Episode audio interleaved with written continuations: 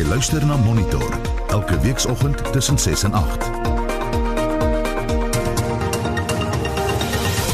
7 minute oor 7 in monitor vir die eerste keer in 2 jaar vergader die G7 lande se ministers van buitelandse sake in Londen om internasionale knelpunte te bespreek. 'n Sosiale media krisisbestuurder verduidelik hoekom al hoe meer mense hulle sosiale media rekeninge sluit.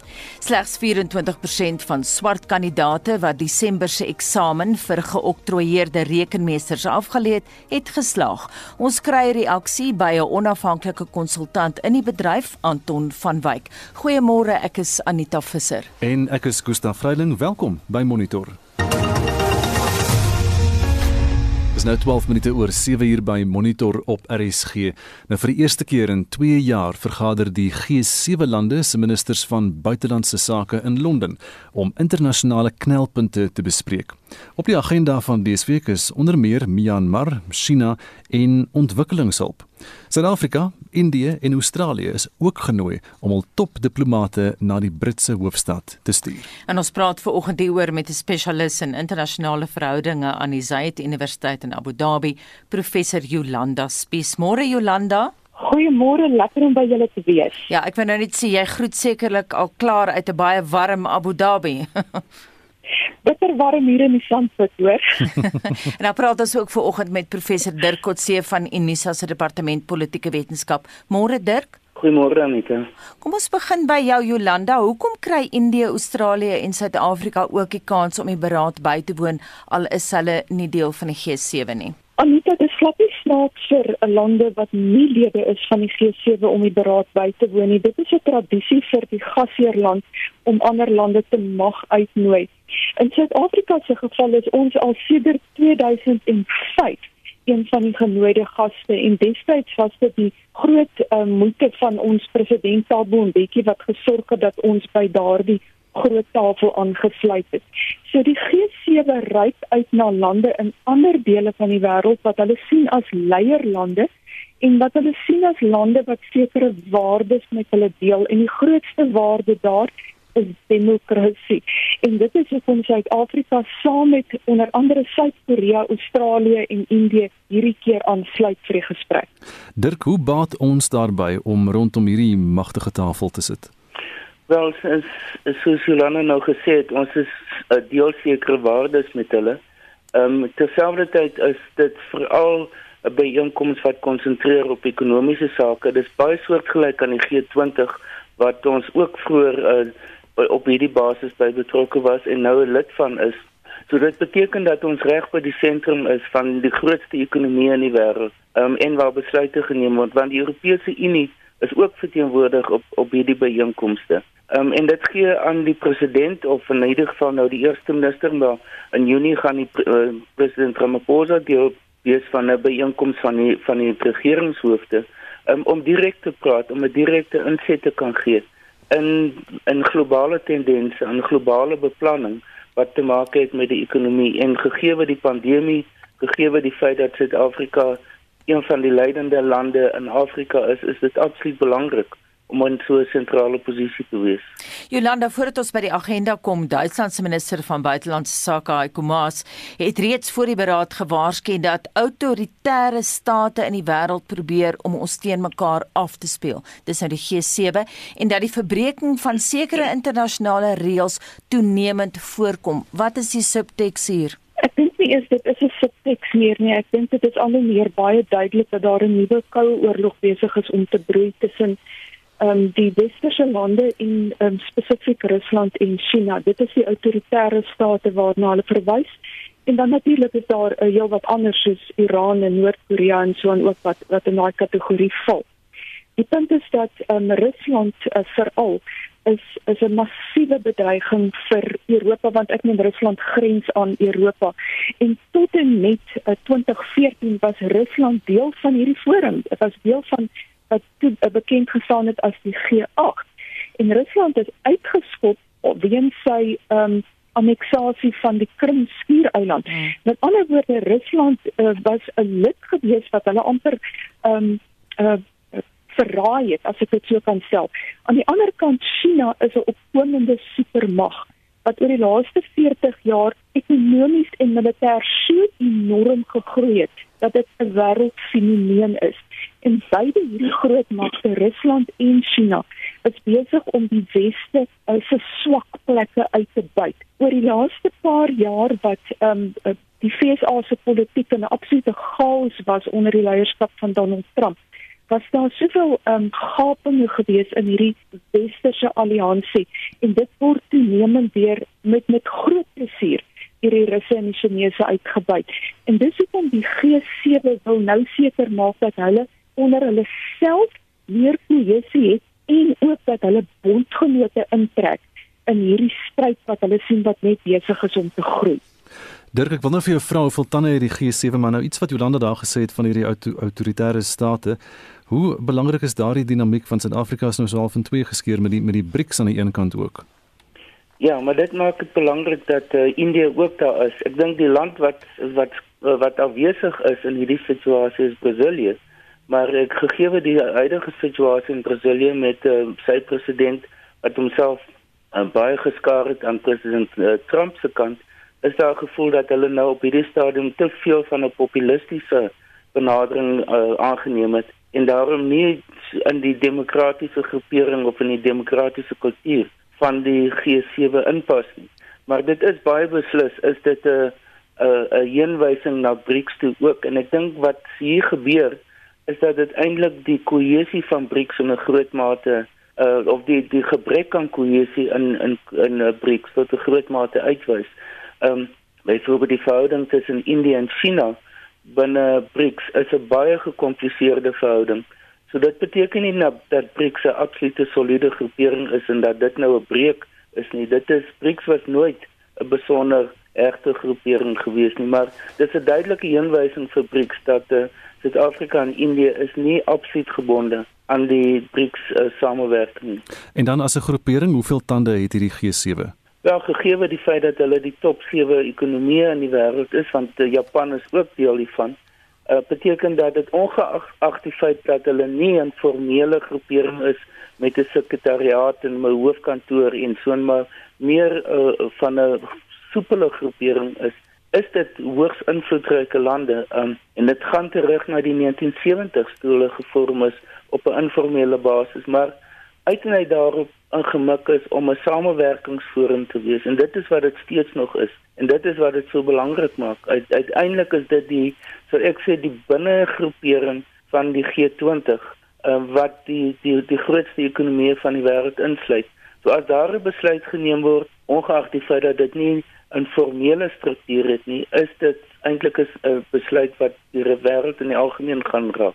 As jy pas by ons aangesluit het vir die eerste keer in 2 jaar vergader die G7 lande se ministers van buitelandse sake in Londen en dis nou om internasionale knelpunte te bespreek. Ons praat ver oggend hieroor met 'n spesialis in internasionale verhoudinge aan die Zayed Universiteit in Abu Dhabi, professor Yolanda Spies en ons gesels ook met professor Dirk Kotse van Unisa.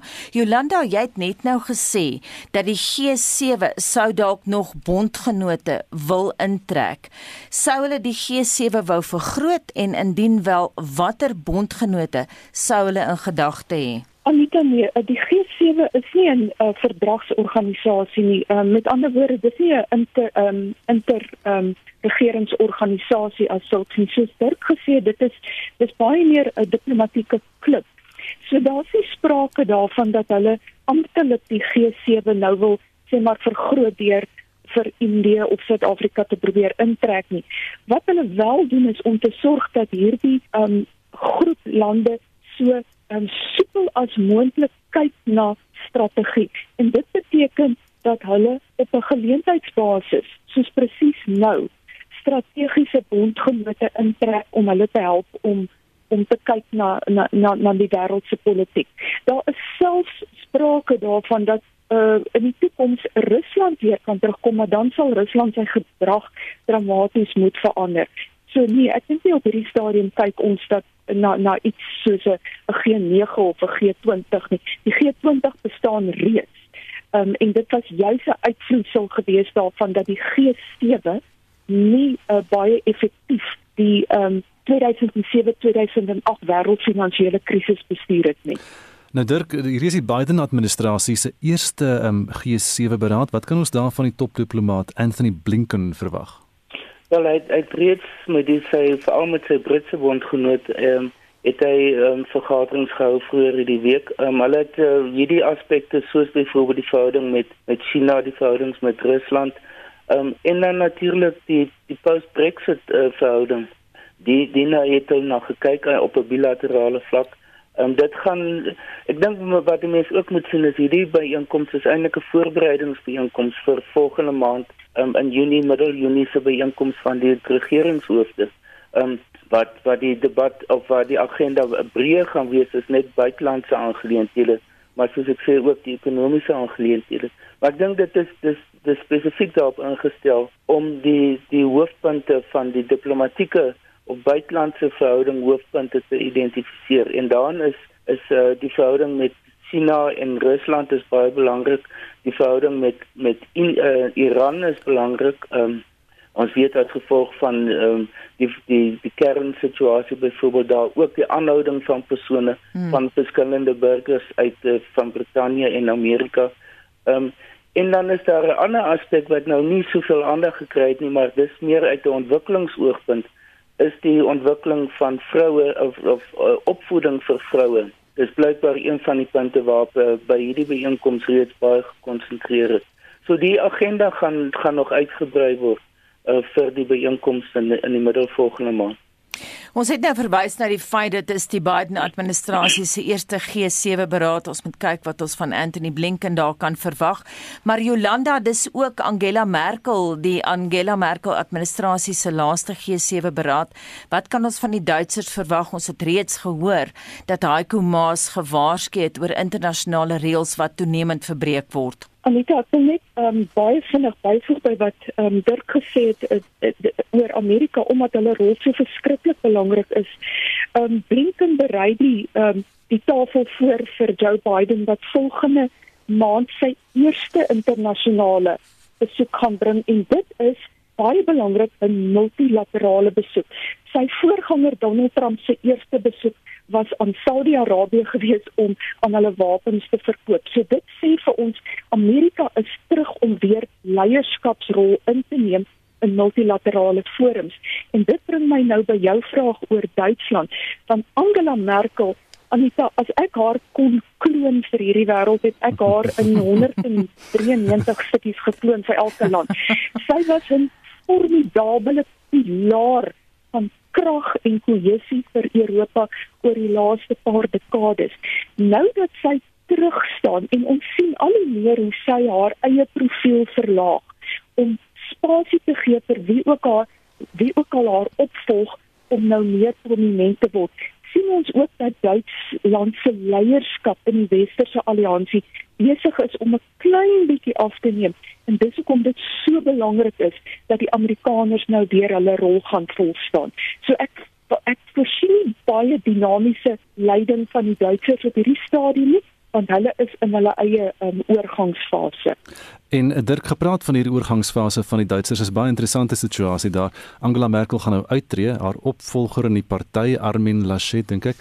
Maar uh, hy is nie naaste by so gewild soos dit lyk asof die Groen Party die die Christendemokrate daar heeltemal stof van die oë skop en die daar's 'n moontlikheid dat ons teen die einde van die jaar 'n Groen Party regering in Duitsland gaan hê. Hoe gaan dit die dinamika in die internasionale diplomatie skielik verander? Ja, dis ek, ek dink ons ons moet in eerste plek aanvaar dat ehm um, die Duitse regeringsopset is gewoonlik in die vorm van 'n koalisie. Hmm. Hulle daar's nooit een party wat die dominante party, oh, daar's 'n dominante party, maar nie net een party in die regering nie.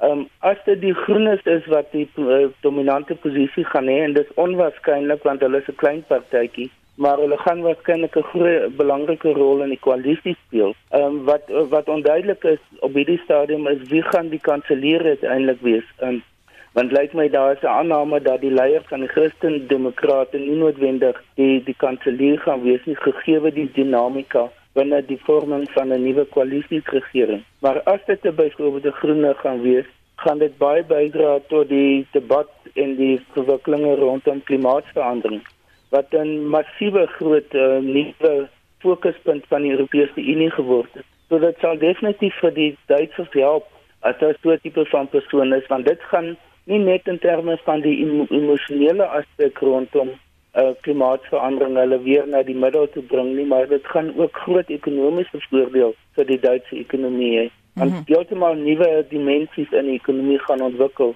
rondom klimaatsverandering rondom hernubare energie en soortgelyke aspekte. So dit het 'n moontlike groot invloed, positiewe invloed vir Duitsland in die toekoms.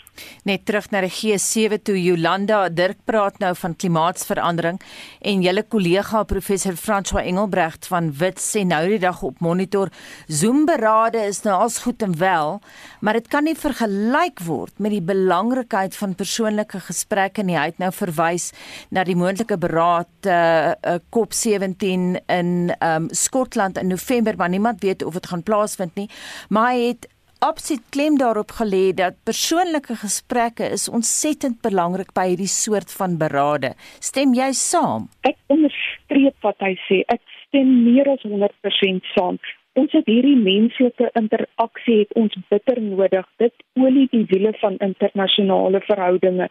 En die die die teendeel is ook natuurlik baie keer waar soms irriteer hierdie mense mekaar. Ons het gesien Donald Trump se bywoning van G7 berading presies hoe rampspoedig dit was.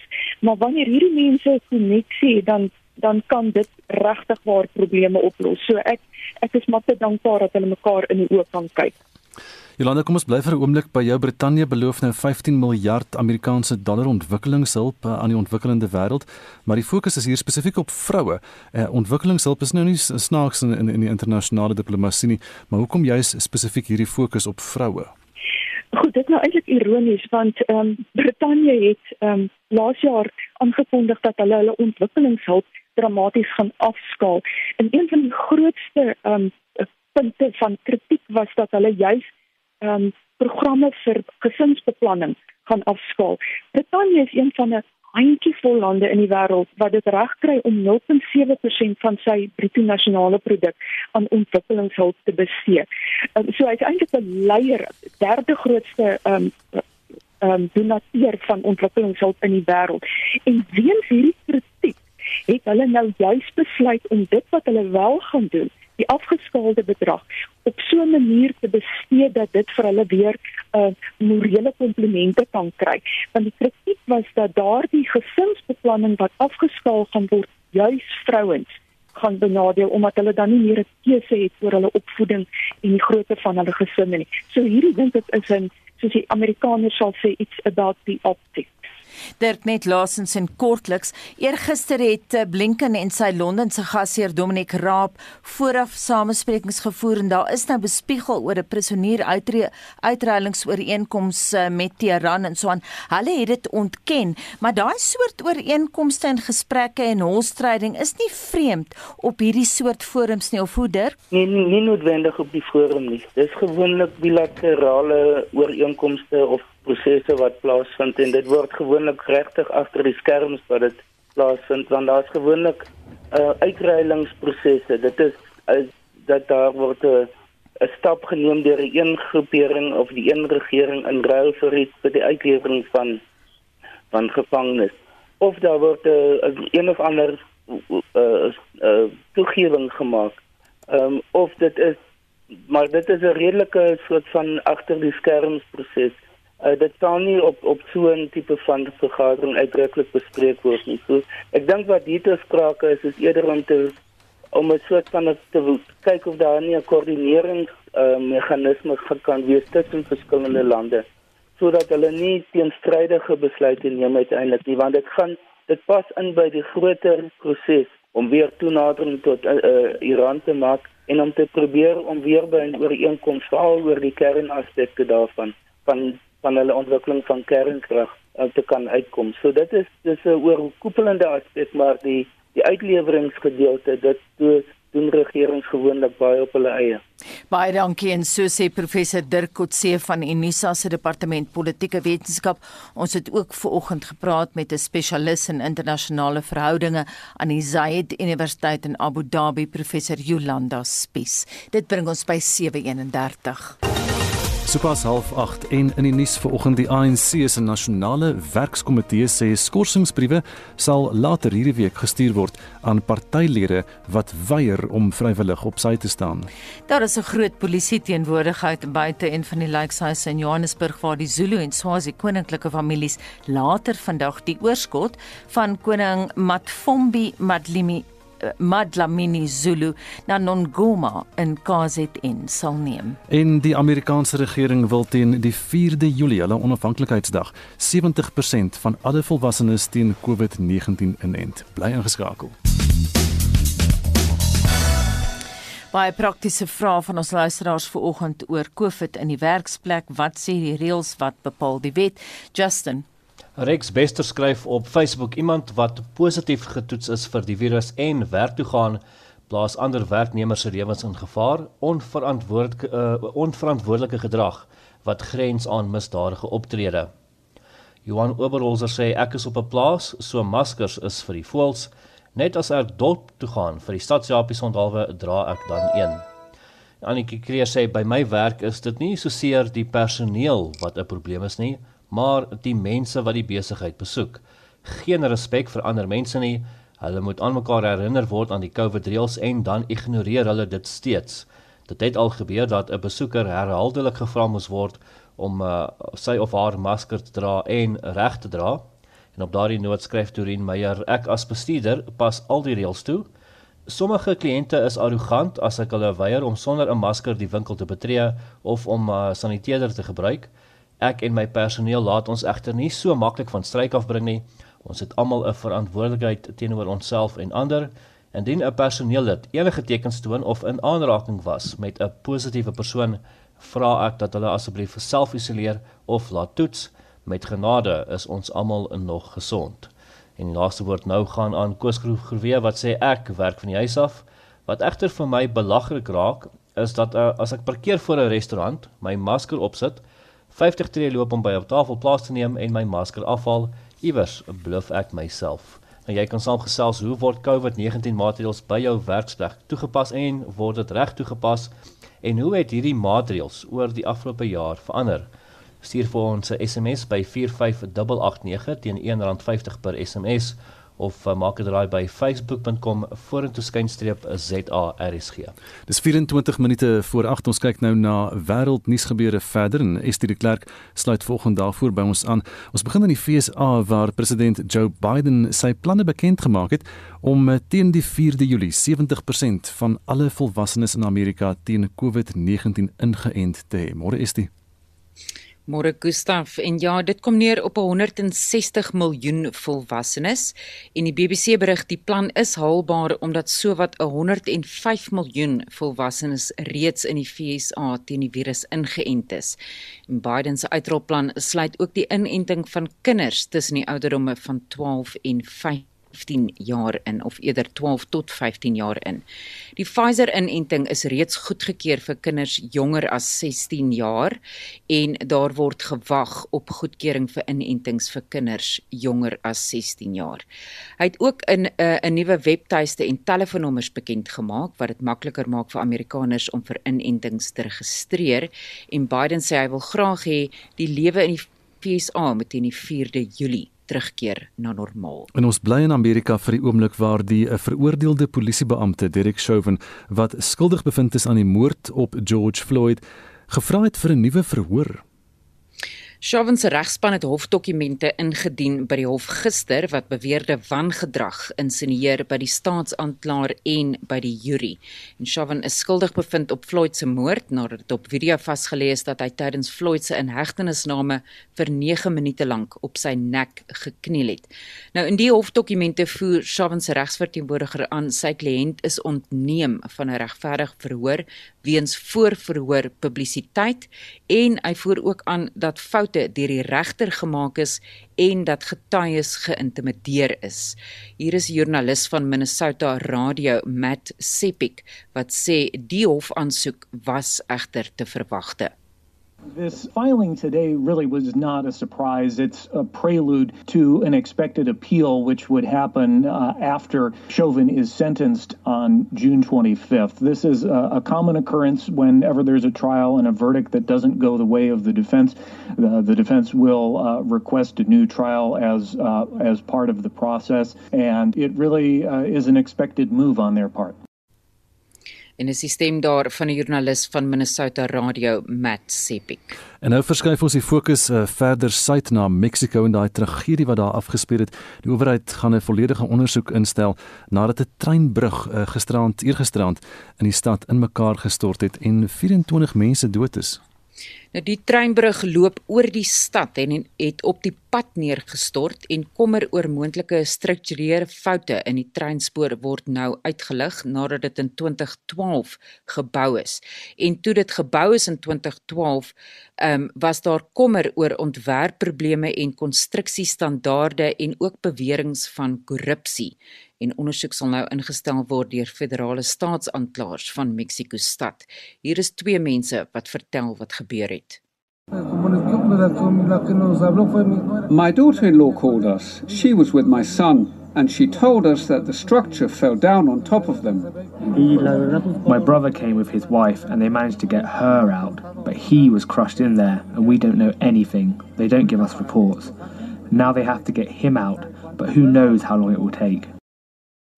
Die burgemeester Claudia Scheinbaum het gister gesê dit is te vroeg om te sê wat werklik gebeur het. En toda la línea, en toda la línea. Eh, y on the entire line, on the entire line. And I think we should not speculate. And that is why there'll be an investigation by the Attorney General's office as well as independent experts so that we can find out the whole truth and know what happened. En is die stem daar van Mexico stad se burgemeester Claudia Sheinbaum, maar die BBC berig dat inwoners in Mexico stad uh, glo al vir jare lank kla oor die swak toestand van die spoorlyn veral nadat daar krake in die lyn was na 'n aardbewing. Estie de Klerk met 'n oorsig oor vandag se wêreldnuusgebeure. Slegs 24% van bykans 1800 swart kandidate wat Desember se eksamen vir geoktroeëerde rekenmeesters afgelê het, het geslaag. Die Suid-Afrikaanse Instituut vir Geoktroeëerde Rekenmeesters, SAICA, se bestuurshoof van nasionale projekte, Robert Swane, sê ondersoek sal geloods word om die redes daarvoor voor te bepaal. Vanoggend praat ons oor die treurige stand van sake met Anton van Wyk wat rekenmeesters opgelei het aan die universiteite van Wits en Johannesburg waarna hy ook by Monash klas gegee het. Tans streef van Wyk op as onafhanklike konsultant en hy het in die hoedanigheid ook 'n spesiale toepassing ontwikkel wat rekenmeesters met hulle professionele ontwikkeling kan bystaan. Goeiemôre Anton. Goeiemôre Anita, môre luisteraars. Voordat ons nou die redes vir die swak vertoning ondersoek, kom ons gaan terug na Februarie maand, toe die Raad van die Onafhanklike Reguleringsowerheid vir Ouditeurs, dis in Engels bekend as IRBA of IRBA, uh, ontbind is deur minister Mboweni. Hoekom het dit gebeur? Anita, uh, IRBA is die regering se waghond oor die Suid-Afrikaanse ouditprofessie. En daar's baie spekulasie oor die presiese redes hoekom minister Mboweni die raad van IRBA ontbind het maar hy het die stap geneem na 'n reeks bedankings van nuwe Urba raadslede. Uh daar's in die media gespekuleer dat kontroversiële aanstellings en dan die gepaardgaande binnengevegte van rede van die redes was vir die uh, dit vir van daardie bedankings. Mm. Maar die raadslede het dit ontken. Nou daai einste Urba raad is maar eers so onlangs as Junie 2020 aangestel en daarom was hierdie ontbinding deur meneer Mboweni 'n baie verrassende gebeurtenis wat tog verwelkom is. Ons weet al vir 'n geruime tyd dat Urba, jy weet, sy eie uitdagings het met 'n professie wat tans gebuk gaan onder etiese en audit skandale. Ah. En Urba se hoofuitvoerende beampte het ook onlangs bedank na die ontbinding van die raad en meneer Mboweni het Urba onder kuratorskap geplaas totdat 'n nuwe raad aangewys sal word binnekort. So dis my mening dat die stap deur meneer Mboweni 'n goeie een was want ek dink dit gaan die reguleerders van die auditprofessie by 'n kruispunt bring waar belangrike besluite oor die toekoms van die auditprofessie in Suid-Afrika geneem gaan word. Ek dink wel as jy weet so bietjie kommerwekkend dat dinge eers tot hier moes vorder voordat ons aksie gesien het. Anton uh, gepraat van uitdagings, jy het nou net verwys na die talle uitdagings. Hoekom vaar die studente so swak? Anita, weet jy as ek daai vraag vir jou maklik kon beantwoord sou ek 'n multimiljonêr gewees het. Maar ek het nie al die antwoorde nie, maar as ek vir jou my mening gee, ek dink 'n mens behoort die konteks van die eksamen ook te oorweeg. Uh net vinnig vir die luisteraars, daar's twee SAICA eksamens wat vo, jy weet voornemende geoptrede rekenmeesters moet aflê. Die eerste een is meer tegnies van aard, maar die tweede eksamen, jy weet waaroor hierdie huidige bohaai nou handel, word 18 maande later eers afgelê. En hierdie eksamen is 'n assessering wat meer fokus op die praktiese sy van rekenmeester wees. So dit is eintlik maar daai werklike rekenmeesterswerk as 'n professionele persoon met al die meegaande professionele bevoegdhede. So dit gee vir ons al reeds iets wat van 'n aanduiding dat kandidaate met die praktiese sy van rekenmeesterswerk sukkel. Mm.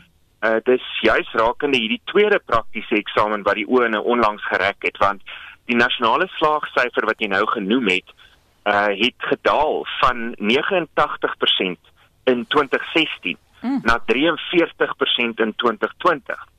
En daarmee saam is geïdentifiseer dat swart kandidate se totale slaagsyfer in 2020 slegs 24% was, wat 'n baie wesenlike afname selfs van die vorige jaar af verteenwoordig.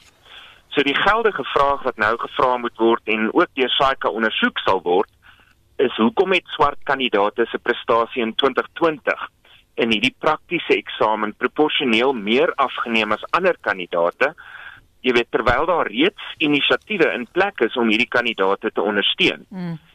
Jy weet net om net om af te sluit hier, ek dink oor die algemeen moet hy ook verder onthou dat 2020 se eksamenkandidate dalk nog nie genoegsame blootstelling gehad het aan die professionele omgewing nie natuurlik weens die COVID-19 pandemie die 2020 kandidate was jy weet onderworpe soos ons almal aan die tuiswerk regulasies hmm. uh, met die inperking en ek dink hulle was in 'n groot mate onderhewig aan ek sou sê professionele afsondering van hulle kollegas hmm. veral natuurlik hulle seniors en mentors by wie hulle baie praktiese vaardigheid leer uh. en ek dink dat COVID-19 natuurlik ook 'n sielkundige rol gespeel het en ek dink kandidate was emosioneel uitgeput tydens die eksamen Maar net, jy weet laastens, jy weet dit bly my vermoede dat die kritiese denkvermoëns van baie studente nie optimaal ontwikkel word tydens hulle skoolloopbane nie. Ek sê nie studente is onintelligent nie, jy weet, maar ek dink daar sekere bevoegdhede wat net nie behoorlik ontwikkel is voor hulle studentejare nie. En uh, ons het laas jaar oor dieselfde feit gesels dat hmm. baie gekwalifiseerde intree vlak rekenmeesters jy weet sukkel met kreatiewe probleemoplossingsvaardighede in sekere situasies. En miskien kan ons dit nou begin sien in die praktiese CA eksamen. Anton, die bestuurshoof van nasionale projekte by SAICA Robert Swane het nou beloof om ondersoek te loods. Hy was toevallig een van jou studente. Sou jy betrokke wou raak so by so ondersoek? Jy het nou jou eie idees oor wat fout geloop het? Anita, ja, kyk, Robert is 'n fantastiese voorbeeld vir ons professie. Hy is een van my vorige studente en ek het baie respek vir hom en ook vir die werk wat hy doen saam met Saika. Maar om jou vraag te antwoord, as Saika my insette sou benodig, sal ek natuurlik my bydrae lewer. Jy weet die rekenmeesters en audit professies was maar nog altyd naby aan my hart. En as 'n ou amper 20 jaar lank betrokke was by die opleiding van voornemende rekenmeesters en auditeure, dan maak dit seer om te sien wanneer hierdie professies uitdagings soos hierdie beleef. Mm. Ek verwag dat SAICA wyd sal konsulteer met hulle ondersoek, jy weet en ek dink dat hulle die vrae sal vra wat gevra moet word oor hierdie slaagsyfer om waarlik agter die kap van die byl te kom. Want ek dink hierdie ondersoek is van geweldige belang teen die agtergrond van SAICA se CA 2025 inisiatief hmm. waar 'n nuwe geslag rekenmeesters aan die mark bekend gestel gaan word. So Anton, dit gaan beslis interessant wees om te sien wat die ondersoek bevind. Anton, eh, daar is tans 3800 geregistreerde ouditeure in Suid-Afrika. Dit klink vir my na bitter min. Hoe vergelyk daai syfer met elders ter wêreld? Anita, hierdie is 'n belangrike vraag, uh want daar's 'n noue verband tussen die rekenmeestersprofessie en die auditprofessie want uh, op hierdie stadium kan slegs geoktroeëerde rekenmeesters wat by SAICA geregistreer is as eksterne ouditeure by IRMA registreer. So hierdie slaagsyfers in die CA eksamens kan natuurlik ook belangrik wees vir die auditprofessie aangesien hy tans sy lede verkry vanaf die CA professie alleenlik. Na my mening is die dalende syfer van geregistreerde ouditeure in Suid-Afrika maar 'n redelike bron van kommer vir IRBA, uh omdat dit moontlik kan dui op 'n toenemende onwilligheid van CA's jy weet om daai risiko op te neem om as 'n eksterne ouditeur op te tree as gevolg van die groot voorkoms van bedrog in besigheid in Suid-Afrika. Jy weet dit alles plaas 'n geweldige las op die skouers van bestaande auditeure om al die eksterne audits in Suid-Afrika uit te voer. Jy weet nou ek se rekenmeester so as ons 'n bietjie somme doen, dan praat ons van minder as 4000 geregistreerde auditeure in Suid-Afrika en ons het 'n bevolking van 58 miljoen mense. As ek dit vergelyk met die aantal eksterne auditeure byvoorbeeld in Australië, uh wat 'n bevolking van 25 miljoen mense het, was daar sover as 2016 was daar al meer as 10000 eksterne auditeure. En ons moet ook in ag neem dat daar ek skat so tussen 45 en 50000 CA's in Suid-Afrika is, waarvan slegs ongeveer 4000 jy weet tans geregistreerde auditeure is by IRBA. Dit is dis so 8%. Hmm. So daar's natuurlik ook die bykomende faktor van emigrasie na ander lande veral deur professionele persone en jy weet auditeure tel natuurlik daaronder. So dit alles plaas druk op die getalle. Baie dankie en so sê Anton van Wyk hy tree op as 'n onafhanklike konsultant en hy het ook 'n spesiale toepassing ontwikkel wat rekenmeesters met hulle professionele ontwikkeling kan bystaan. Dis nou 10 minute voor 8 en Monitor het verlede week verwys na navorsing deur 'n digitale bemarkingsagentskap Reboot Online wat bepaal het watter lande se burgers meer geneig is om sosiale media te los. Suid-Afrika is in die 9de plek met meer as 31000 aanlyn soektogte per maand oor hoe om sosiale media te verwyder. Waarom is so baie mense moeg vir sosiale media? Ons praat vanoggend hieroor met 'n voormalige joernalis en tans sosiale media krisisbestuurder Hanelie Booyens. Hanelie, goeiemôre. Goeiemôre. So hoe groot rol dink jy speel sosiale media weet in ons daaglikse lewens? Weet jy, dis 'n ongelooflike groot rol. Ek dink elke faset van ons lewens deesdae word geraak deur sosiale media. Ehm um, ek dink veral ook die afgelope jaar wat me, ons met ehm um, die grendeltyd gesien het hoeveel mense in isolasie was. Hulle enigste lewenslyn was amper deur sosiale media om met vriende en familie kontak te hou.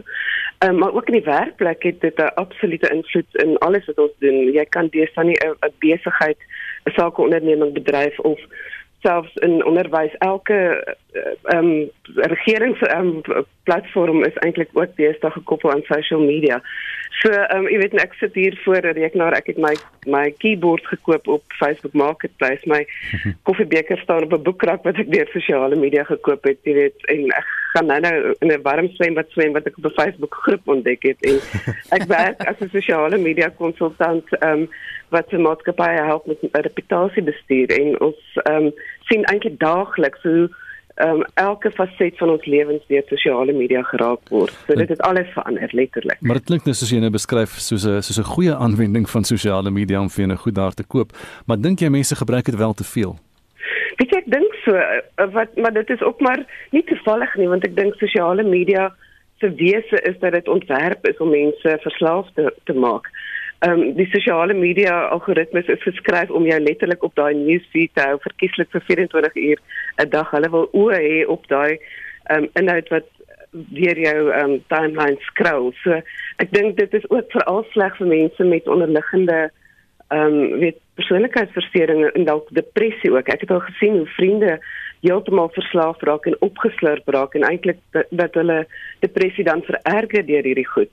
Um, en ek dink veral vir jong mense is dit uh, vreeslik nadelig die goed wat ook al baie navorsing gedoen is hoe dit verhoudings beïnvloed dat mense nie meer in die regte lewe kan met mekaar kommunikeer nie maar net deur 'n skerm. En dit het 'n groot impak oor hoe ons onsself sien en hoe ons verhoudings bestuur en wat ons ehm um, weet ons ons lewenslyn. Ek dink baie mense het op die afgelope tyd besef dit het 'n nadelige invloed ehm um, net op hulle gesinslewe dat kinders sit aan 'n tafel met 'n foon mense het nie meer die die gewone gesprekke en kommunikasie wat hulle gehad het nie.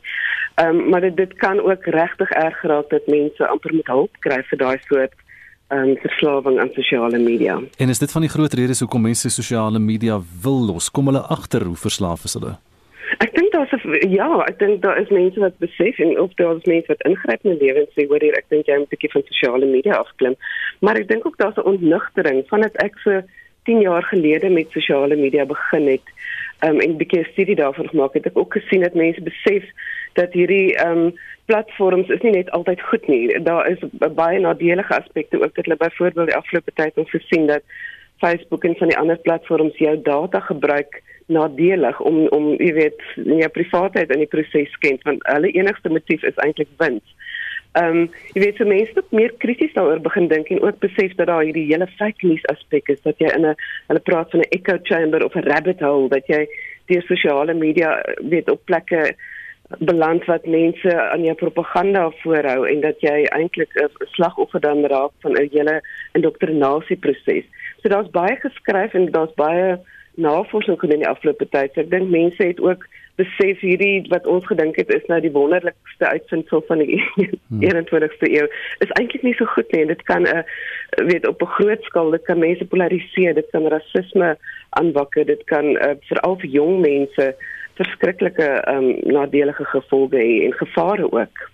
En mens kan baie sien in ons beroep ook ons gebruik Twitter byvoorbeeld om te sien wat in die wêreld aangaan, maar daar kan gesprekke taamlik ver af in in die drein van die riool omtrent beland en is nie lekker naderhand om daar te wees nie. Hoe groot rol speel cyberbullies ook natuurlik uh, in hierdie proses? Ja, beslis. Ek dink daar was ook nou onlangs weer terug oor hoe vroue veral get, um, geteken word en ek het dit self al ervaar op Twitter hoe mense absoluut mislik en weet ek dink omdat hulle dink dat hulle anonimiteit het, is daar verskriklik afbreekende ehm um, kommunikasie maniere en en ek dink dit is een van die bullying is 'n groot groot probleem en daar is van die sosiale media platforms het al begin om dit aan te spreek maar ek dink nog nie naaste my genoeg nie.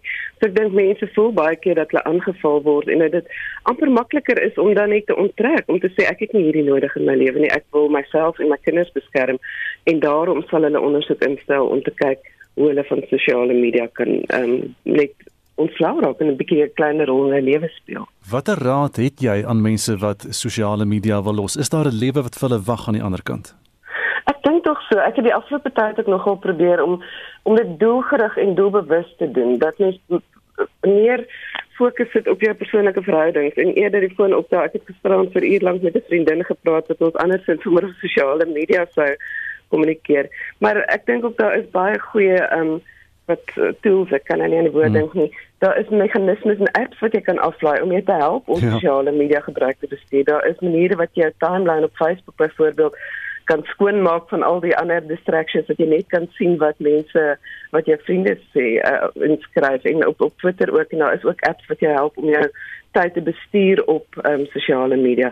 Maar ek dink eers moet mense daai kop skuif maak en vir jouself sê soos met enige ander verslawing hoor jy, ek het 'n probleem. Ek moet afklim van hierdie plat, platform of 'n doelbewuste poging aanwend dat dit nie my lewe oorheers en my verhoudings beïnvloed nie. Hanelie baie dankie Hanelie Boyen, sy is 'n voormalige joernalis en tans 'n sosiale media krisisbestuurder wat maatskappye en organisasies bystaan met aanlyn reputasiebestuur. Justin. By ons gemeente kom die mense in, gaan sit en vir die hele diens is maskers af. Ons is so 3 wat deur die diens maskers ophou. Miskien moet daar by kerke inspeksie gehou word, dan gaan baie gemeentes toegemaak word. Dit grief my dat die predikant nie optree nie. Die boodskap op ons SMS-lyn kom uh, van anoniem in Pretoria. Koos vir u skryf, ek het al uitgestap by 'n klein besigheid omdat niemand maskers gedra het nie. By supermarkte is meer beheer Ek voel ook veiliger uh daar hoewel daar's meer kliënte wat almal maskers dra. Uh Elise van Wyk sê hulle kan maak wat hulle wil. Dit is 'n gevaar om te gaan werk want daar is mense wat weier om maskers te dra. Didi Manga sê hier in Munich het ons vanaf dag 1 alle maatreëls uh in plek gehad en ek is verbaas hoe mense na al die maande by die reëls hou. Ons het nou ook 15 minute selftoetse wat gedoen kan word voordat ons die kantoor betree. Tafels is so ingerig om 1.5 meter van mekaar te wees en in die gebou rond te beweeg, moet maskers gedra word. Ons almal is dit gewoond en is bly om weer mense kontak by die werk te hê. En Annelie sê Randwater is baie streng op COVID maatreëls. Ek het 'n paar positiewe kollegas gehad hierdie jaar, maar ek het dit nog nie gekry nie. En nou laaste woord gaan aan Harold wat sê comply or die. Baie dankie vir julle saamgesels vanoggend. Is die baie kortliks Spectrum se dag bekort.